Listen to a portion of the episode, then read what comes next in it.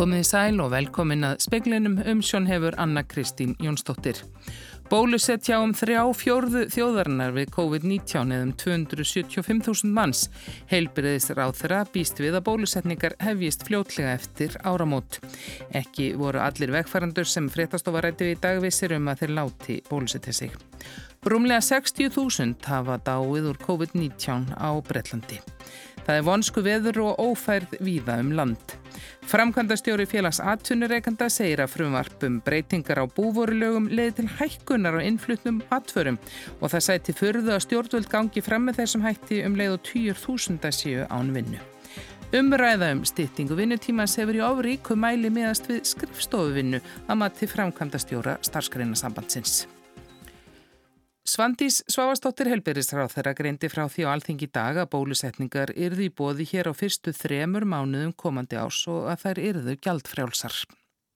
Við getum ekki fullirt núna hvenar við fáum, fáum bóluefni frá hverju fyrirtæki fyrir sig eða hver, hversu marga skamta á hverjum tíma en við getum hins vegar uh, sagt að það er líklegt að við fáum skamta fyrir 85.000 manns frá Pfizer fyrir 115.000 manns frá AstraZeneca og fyrir 40.000 manns frá Moderna. Þórólu Guðnarsson sótvarnalækni segir að ennríki tölverða óvisa um það nákvæmlega hversu mikið að bóluefni komið til landsins og þá hvenar og líka þá hvenar hægt verði að byrja að bólusetja. Já, það er bara margt sem er ekki vita núna því að uh, hérna, Leifjastofnun Evrópu á eftir að, að meta rannsóknar niðurstöður frá til dæmis Pfizer og Moderna og, hefur sagt að þeir muni skila af sér uh, niðurstöðum uh, núna uh, eigi síðar en 29. desember og þá fyrst getur maður farið að spá í og, og kannski svara því hvenar fáum við bólefni, hversu mikið og svo framvegis en, en fram að því þá, þá er það bara ekki hendi. Aðeins eitt smita 15 sem greindust í gær var utan sótt hver. Þórólfur er hóflega bjart síðan á framhaldið.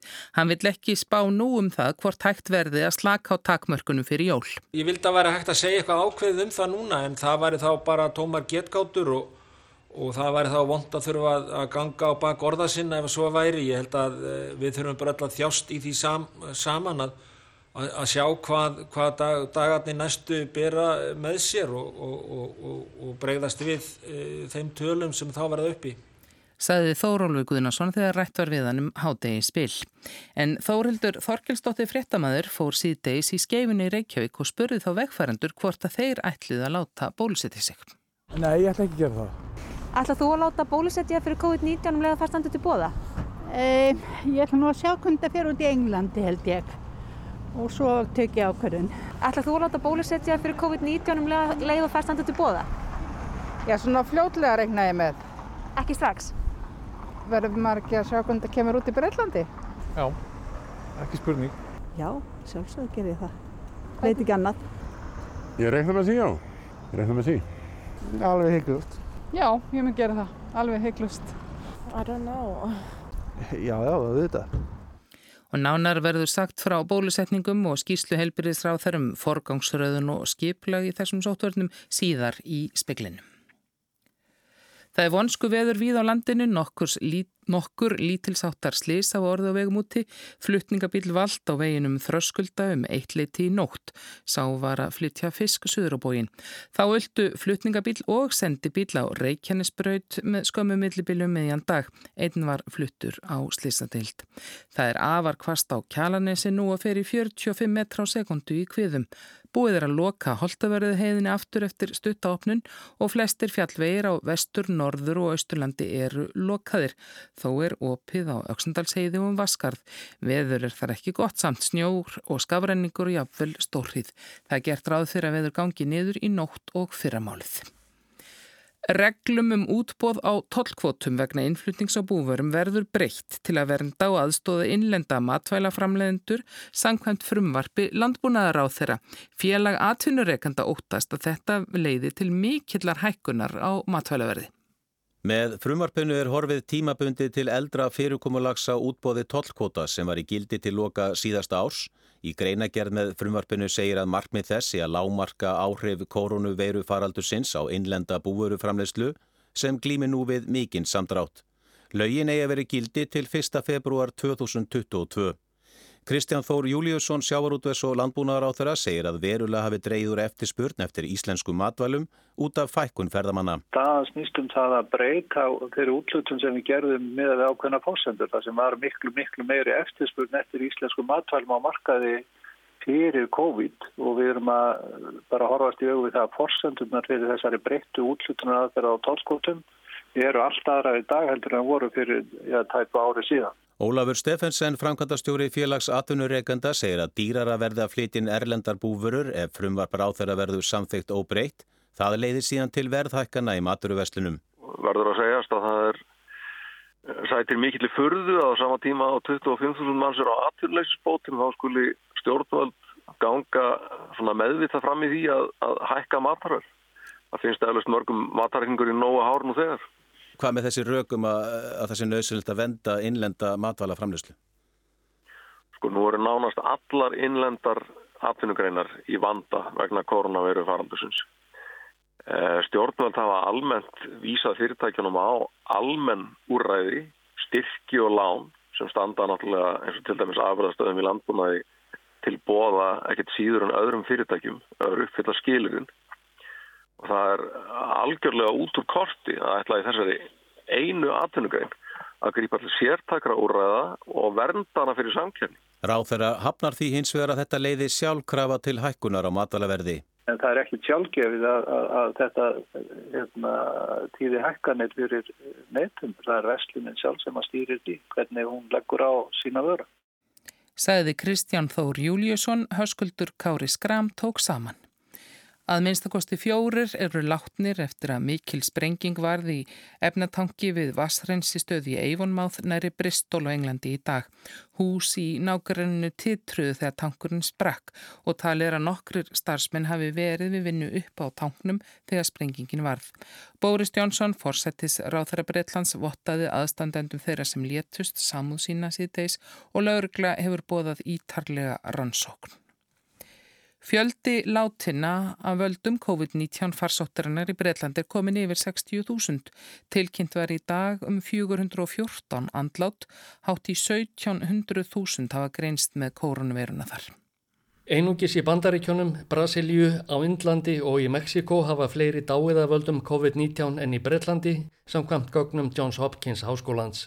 Í Breitlandi eru þó fleiri döðsföll á hverja 100.000 íbúa enn í hinnum löndunum fjórum. Bresk helbriðis yfirvöld stefna að því að hefja bólusetningu gegn koronavirinu fyrir lok næstu viku. Breska lifi eftirlitið heimilaði í gerð nótkun bóluefnis sem þíska fyrirtækið BioNTech og bandaríski livjariðsinn Pfizer dróguði í sammenningu. Antoni Fauci, forstuðum að smittsjúkdóma stofnar bandaríkjana hvaðst telja í viðtali við Fox sjónvarpstöðina bandarísku að bresku sérfræðingarnir hafi ekki rannsakað lifið nógu vandlega. Hann sagði að ef kastað væri til höndunum í þessum efnum vildi fólk ekki láta bólusetja sig. Matvæla og lifi eftirlit bandaríkjana hefur bóluefnið einnig til skoðunar. Antoni Fátsí hvaðst í viðtalinu búast við að það fengi grænt ljós mjög fljótlega. Ásgeir Tómasson saði frá. Hjúkrunar rýmum og akkurýri verður fjölgað um 60 með bygging og nýju hjúkrunarheimili sem á að verða tilbúið í lok árs árið 2023. Svandís Svavarsdóttir, heilbyrðisráð þeirra og ástildur Sturldóttir, bæjarstjóra akkurýri, hafa undirritað samningum þetta og er talið að heldarkostnaður við framkvæmdina verðum 3 miljardar króna. Ríkið greiðir 85% af kostnaðinum, Akureyrar bær 15%. Hjúkrunarími verða þá orðin um 230 Akureyri þegar hjúkrunaheimili tekur til starfa.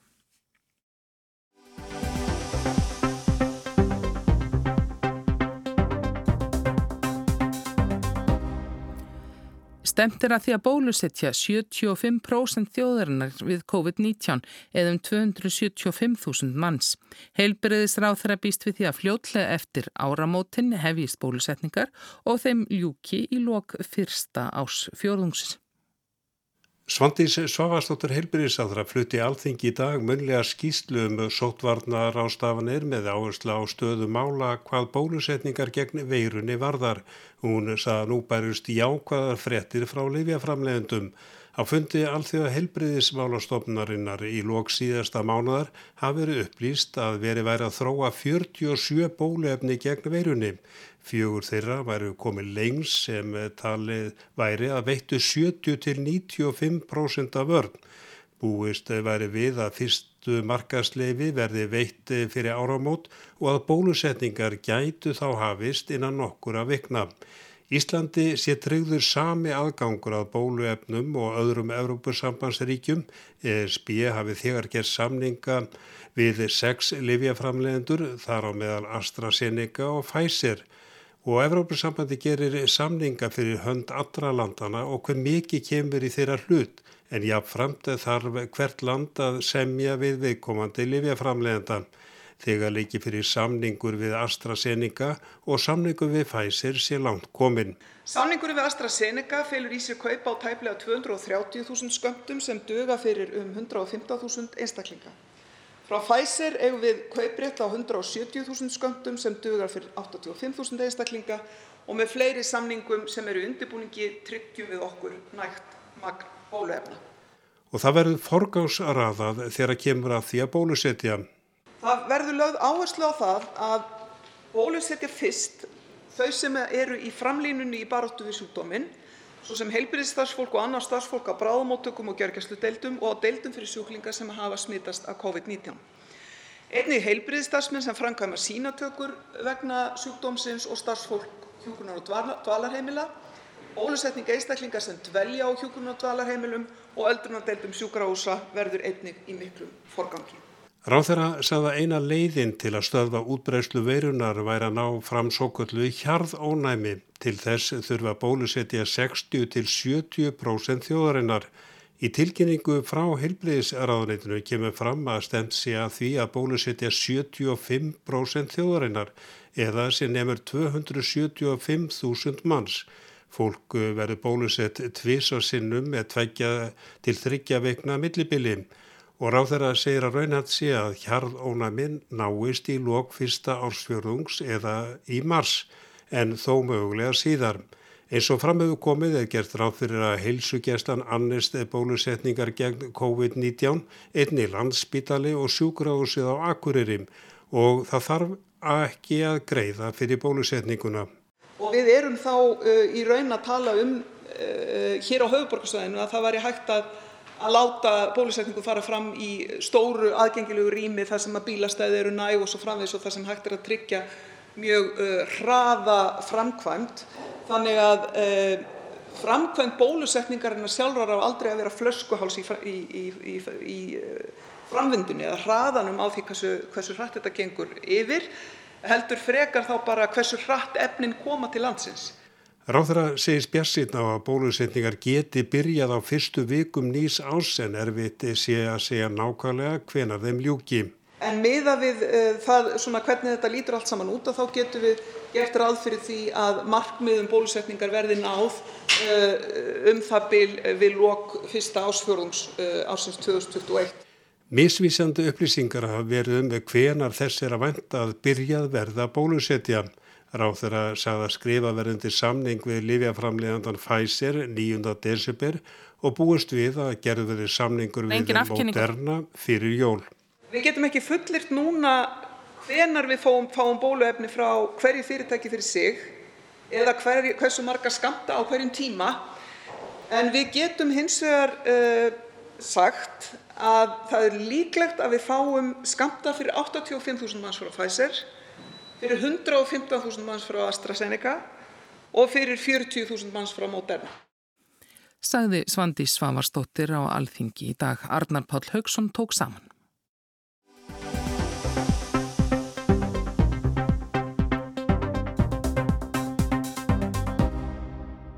Umræðan um styttingu vinnutímans miðast að sumuleiti of mikið við vinnu skrifstofufólks að mati Flosa Eiríkssonar, framkvæmdastjóra starfskreina sambandsins. Reyndar gildi slíktið sama um alla umræðum um heimavinnuna núna. Margir félagar í starfskreina sambandinu eigi þess ekki kosta vinna heima og þá skipti hlið til að kvílast miklu. Í lífskjara samningunum sem gerður voru í fyrra var talað um sveianlegri og stittri vinnutíma og að bæði starfsfólk og stjórnendur gætu óska eftir viðræðum um vinnutíma stittingu þar sem fari væri í 36 tíma vinnuviku samhliða virkum vinnutíma. En hvernig hefur þetta svo gengið frá því að samningarnir voru undirriðtæðir? Ég held að, að það hefur gengið hægar, svona allavega formlega og gerst minn í því að við kannski efnistóðu til. Eh, Stýtning vinnuvíkunar á almennamarkaðanum er e, með aðeins öðru formi, það er sérstaklega kapli kjærasamningunum sem fjallar um, um vinnustaðsamninga, eh, samninga sem er gerður á hverjum og einu vinnustad og þar gafst mannum kostur á að stýtta vinnuvíkunar niður í alltaf 36 tíma með breytingum á lögbundnum neysluhljum, svo við notum kjærasamningsheitið yfir kaffetíma, það er að stýtta kaffetíma á hátegi og gáttu annarkvort að farið einhverjum mínútum fyrir heim og hverjum degi eða farið hálfun degi farið heim um hátu og föst degi eða, eða unni sér inn frýta og þetta er hverjum og einu vinnustaf uh, í sjálfstafssetti að hann semur um það og greiðir um, um það atkvæð á vinnustanum, starfsmenn og, og, og vinnuveitandi atvinnreikandi uh, og, og með eftirliti stjættarfélagana Við höfum ekki séð mikið af þessum formlegu samningum gerast eða svona formgerast og komið til okkar eitthvað þó en hjá þessum 19 aðaltafélagum stafskannsefasins en auðvitað vitum við það og, og þekkjum vel á vinnumarkaði að slíkir samningar hafa lengi eða, eða fyrirkomulega hefur lengi týðkast í mörgum uh, greinum atvinnlífsins mjög algengt að með vinni kannski eitthvað aðeins lengur til að vinna af sér förstu daga menn sleppa einhverjum kaffitímum saminað og slíkt og ég held að það haldi áfram. Í samningum félaga í starfskrænsambandinu sem starfa fyrir ríki og sveitarfélög var samið um styttingu sem á að gilda frá áramótum eins og hjá öðrum félögum hjá því ofinbera og þeir samningar hafa líka haft áhrif segiflósi.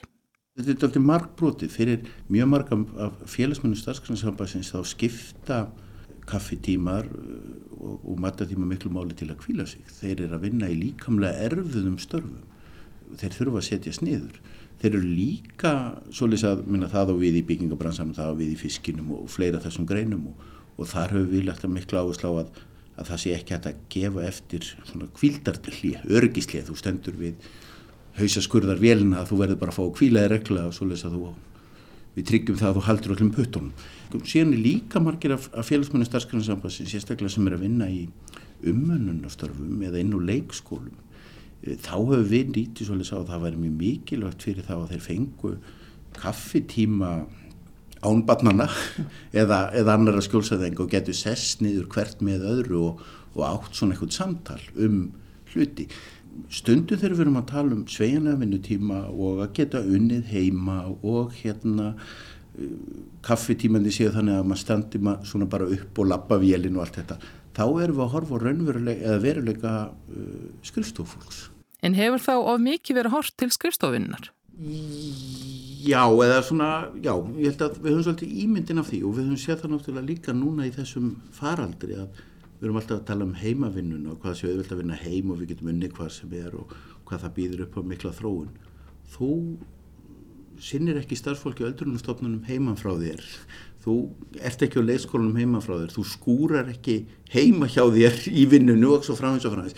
Svo að, að, að mér finnst stundum að, að stór hluti atvinnulífins, það fólk sem er í starfsgrænasambandinu, fólk sem er mennileg ekki með mikla formlega mentun, eh, við erum ekki að endilega greina þeirra störf og, og, og, og þetta er eitthvað, eitt af okkar verkefnum og auðvitað er þetta í, í, í mikil umræðu núna. Nú erum við til dæmis hjá ríkun að reyna að ljúka því fyrir uh, áramótin að gera stopnarnasamning á hverjum og einum vinnustaf það sem meðal annars er tekið á þessum hlutum og auðvitað er, er menna, ég held að þetta er 770 eitthvað stopnarnir sem félagsdagsgrunnsabassins koma svo þetta er, þetta er flókið við það en þarna er hættan og mér veist umræðan um þessa styrtingu vinnuvíkunar stundum snúast aðeins svo mikið um sko, uppalega var lagt við ætlum að styrta vinnuvökunna fólk, fyrir ekki að vinna svona mikið getur verið meira heima með börnunum sínum og maganum eða garðinum eða kettinum eða hvað það vil gera heima á sér en við hefum stundum mistið út í svona við leiðum að kalla smá luxus samtal um hvernig fólki ákveðning tegundastörfum geti svona haft meiri frelsi í sínu líf og sjálfræð og unnið heim og úti og, og það allt saman. Uh, mjög mikið af fólki í starfsgrunnasambandinu er aðalega sem að, að hvernig það ná endum saman. Hvernig geti það lifað af kaupinu sínu frekar en að það geti verið meira heima. Útfærsla styttingarna sem tekur gildum áramótin hjá ríki og sveitarfélögum og svo sem hveði var áum í lífskjara samningunum er að mörguleiti flókin segiflósi. En, en ég held að það sem við munum uppskeru næstu árum úr þessum kjærasamningum og þessum, þessum umræðum er að við munum stýtta vinnumhuguna og hún er að stýttast úr þessum hefðbundu 40 tímum sem hafa reynda verið sko viðverð, ekki virkur vinnutími niður í kannski einhverja 36 og það er auðvitað kjarabót fyrir fjölskyldur í landinu og, en við þurfum bara að gæta því allavega í mínu starfi að það fólk sem vinnur svona þau störf sem ég hef hérna farið yfir að það njótiðist líka að þetta sé ekki bara lúksus fyrir skristofólk með fullir virðingu fyrir því. Marta hinnu félagslega starfi starfskreinasambandsins er í nokkrum hægagangi vegna farsóttarinnar en á næsta ári á að skoða hvernig tekist hefur til með styttinguna. Samningar á almennum vinnumarkaði gilda til 1. november árið 2022. Þá verður hort til tvenns.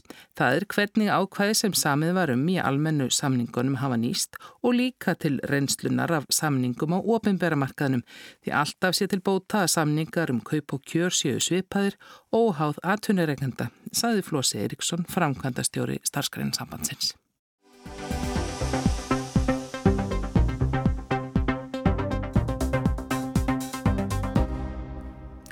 Formaður félagsraðgjafafélags Íslands og framkvæmdastjóri heimilis og skóla fagna nýju frumvarfi ásmundar eina staðasonar félags og badnamálar á þeirra um velferð badna og samþætta þjónustu við badn sem kynnt var fyrir vikunni.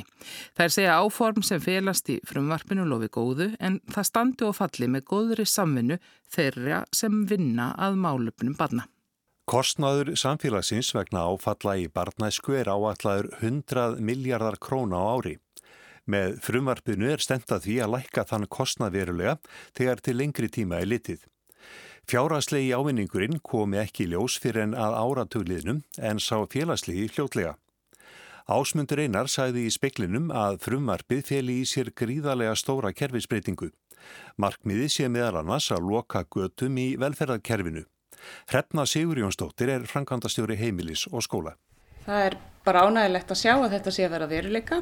Það var náttúrulega að byrja 2018 að vinna þessa vinnu og það hefur lengi verið vandamál að mismunandi kerfi sem er að halda utan um málefni barna hafa ekki talað nógu vel saman og það er mjög ánægilegt að sjá að það sé að gerast núna og ég held að uh, við bindum mikla vonir við að það verði svona ímsar úrbætur.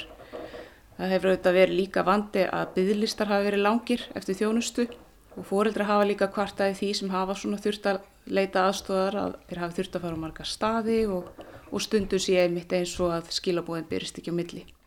Segir Hrefna Sigur Jónsdóttir, frangvandastjóri heimilis og skóla. Steinun Bergmann er formaður félagsraðgjafa félags Íslands. Ég fagna þessar vinnu að það sem að huga er að því að tryggja aðgengi að viðegandi samtrætti þjónustu fyrir börn án hindrana. Þar sem að tryggja á réttindi barni samram við stjórnarskrá og alþjóðlega skuldbindingar. Þannig að ég fagnu því og þess vegna er þetta mikilvægt skref í íslensku samfélagi að það sé verða lifta þessum þætti fram. En það er ekki þarfyrir að í þeirri lögi sem við höfum í dag eru mjög ríkar skildur um samstarf. Það er í barnavöndarlögunum, það er í lögum um grunnskóla og leikskóla, bæði þetta það að styðja fjölskyldunar, styðja fóröldur uppbyggðarslutverkinu og að eiga samstarf. En það hefur kannski ekki alltaf gengið eftir eins og maður hefði viljað. Þannig að ég fagnaði mjög þessum áformum ráð þeirra að fara að stað með þetta segir Steinun Bergmann, formaður félagsrákjafafélags Íslands. En eitt eru góð áformi frumvarfi, Anna er að koma hlutunum í verk. Hrefna Sigur Jónsdóttir. Vonandi mun það allavega stuðla einhvers konar úrbótum. Það þarf samt sem áður líka að bæta inn auknum úrræðum og passa að það séu nægar bjargir fyrir þennan fjölda sem þarf aðstóð. Og svo er bara gríðarlega mikilvægt að grýpa snemma inn í til þess að við séum síður með þungmál í kerfinu sem krefjast náttúrulega aukina úrræða. Þess vegna er svo mikilvægt að leggja einmitt áherslu á þennan snembæra stuðning að fólk fái aðstóð strax og það þurfi ekki endilega vera stóru mikil mál en því fyrr sem fjölskyldu fá hjálp því líklega er að máli vind ekki upp á sig og leysist bara farsælega. Þetta getur alveg gengið, það er ekki víst að klikki en við verðum líka þá öll að leggja okkar á mörgum og við þurfum að líta í öll hótt. Félagsrákjafa félagi hefur yfir áratögu bent á það að það er algjörlega undimannað eins og inn í batnavendinni. Ef við byrjum okkur saman við svo Noreg sem er mjög svipað lögjöf að við erum með að þá erum við bara með þriðjunga því starfsfólki sem að Noregur er með í, til að sinna þessum málum. Við hefum líka fylst með eins og í Danmarku þar sem þeir hafa farað stað með verkefni þar sem þeir fjölga félagsrákjum í störfum og er að sinna þessar snemtöku íhlutun sem að er einmitt það mótil sem að bæða á Ísturlandi og í Hafnafjörði er að byggja á. Þannig að við hefum ítrekka bent á það að það vantar fyrir fleiri félagsrákjöf inn í félagsstjónustuna, það vantar fleiri félagsrákjöf inn í barnavendina og það vantar reynilega félagsrákjöf inn í skólana og inn á heilsugjöldstöðvarnar. Það eru sko sára fáar heilsugjöldstöðvar sem eru með félagsrákjöfa í starfi hjá sér. Segir Steinun Bergmann. Hrefna Sigurjónsdóttir segir að dæmin síni að núverandi stuðniskerfi fyrir börn virki stundum ekki. En sem betur fyrir líka dæmi sem sína þar sem velgengur að vinna með þessu máli, svo til dæmis brúin í Hafnafyrði og það hefur líka verið svona prógram í Breiðholti og Östurlandi þar sem hefur verið einmitt unnið markvist að því að halda vel utanum málinn og að samskiptu og upplýsingaflæði sé virt. Þannig maður sér það er hægt að gera ímislegt með góðum vilja og nöðslegum björgum. Steinun Bergmann segir skipta miklu máli að börn og foreldrar hafi gott og örugt aðgengi að fagfólki í sínu næsta umhverfi. Þannig að aðgengi að félagsrákjum sem er svo stjætt sem að hefur þessa heildasinn er mentar í því að huga samþættingu, vinna þvert á kerfi, hafa yfirsýn í raun og veru yfir þá þjónustu þætti í samfélaginu sem að geta komið að gagni. Ég held að ef við mönnum allstaðar og erum tilbúin, þannig að fórældra sé ekki þeirri stöðu að þurfa alltaf að leita eftir þjónustunni eða reyna að finna út úr því hvað er í bóði, að við séum til staðar og við séum allstaðar þar sem að fóreldrar koma og er að fá þjónustu sama hvar það er eins og að félagsrákjum inn í skólan þannig að börnin geti snúið sér til einhvers. Þau eru ekki að fara á heilsugjörslinu eða í félagsþjónustuna eða þar sem þau getur mögulega fengið þjónustu. Þau verða að hafa hana bara geta bankað á skrifstofuna hérna á ganginum í skólanum og sagt hérna geti fengið að tala við einhvern. Það er nú bara eins og Fredrik Douglas saði, það er auðveldar að byggja upp sterk börn en laga brotna menn. Þannig við erum alltaf að hugsa þetta að grípa snemminni og reyna að vera til staða fyrir börnin og ég er einmitt svolítið hugsi yfir, það var málþingundaginn hjá Geðhjálp þar sem að börn fóreldra með geðraskanir voru að segja frá sinni reynslu og það var sláandi sem þar kom fram hversu tímdu voru. Það var svo lítið hugsað um hvernig þeim liði og hvað þau var að gangi gegnum, þau kvörtuði því til dæmis að það hefði illa verið útskýrt fyrir þeim hvað var að fóreldrun þeirra í helbriðskerfinu, það var ekki mikið tala við þau og stundum bara í skólanum. Hefði verið gott ef einhver hefði bara spurt hvernig líði þér í stað þess að tala um slæma mætingu eða hafa ekki klárað eitthvað verkefni að kafa kannski að stýpra. Þannig að ég held að við þurfum líka bara öll að líta okkur nær og hugsa að við höfum öll ábyrði í þessu samhengi. Að hugsa um hvort annað og vera svona svolítið vakandi fyrir því hvað er að gerast í lífi barna. En auðvitað þurfa kerfin að tala saman, úrræða að vera fyrir hendi og að fólk finni að það sé eitthvað net sem grípu þau og sérstaklega börn finni það. Þau geti leitað eitthvað ef að þeim líður illa eða það eru erfiðleikar heima fyrir sagði Hrefna Sigurjónsdóttir framkvæmdastjóri heimilis og skóla. Kristján Sigurjónsson talaði við hanna og Steinunni Bergmann formann félagsráðgjáfa félags Íslands. Vegna umfjöllunar í speklunum á mánudagin um friðar verðlaun Nobels og ástandið í Eþjópíu vil speilin taka það fram að þar var fullirta mannreitnindasamtök lit á framferði Abís Ahmeds Alís forsættistir á þar Eþjópíu vegna stríðsáttaka í landinu ekki aðeins sem brot á alþjóðlögum og stríðsklæp heldur líka sem glæp gegn mannkynni. Ekki reyndust fullnægandi heimildir fyrir þessari staðhæfingu og er beðist velverðingar.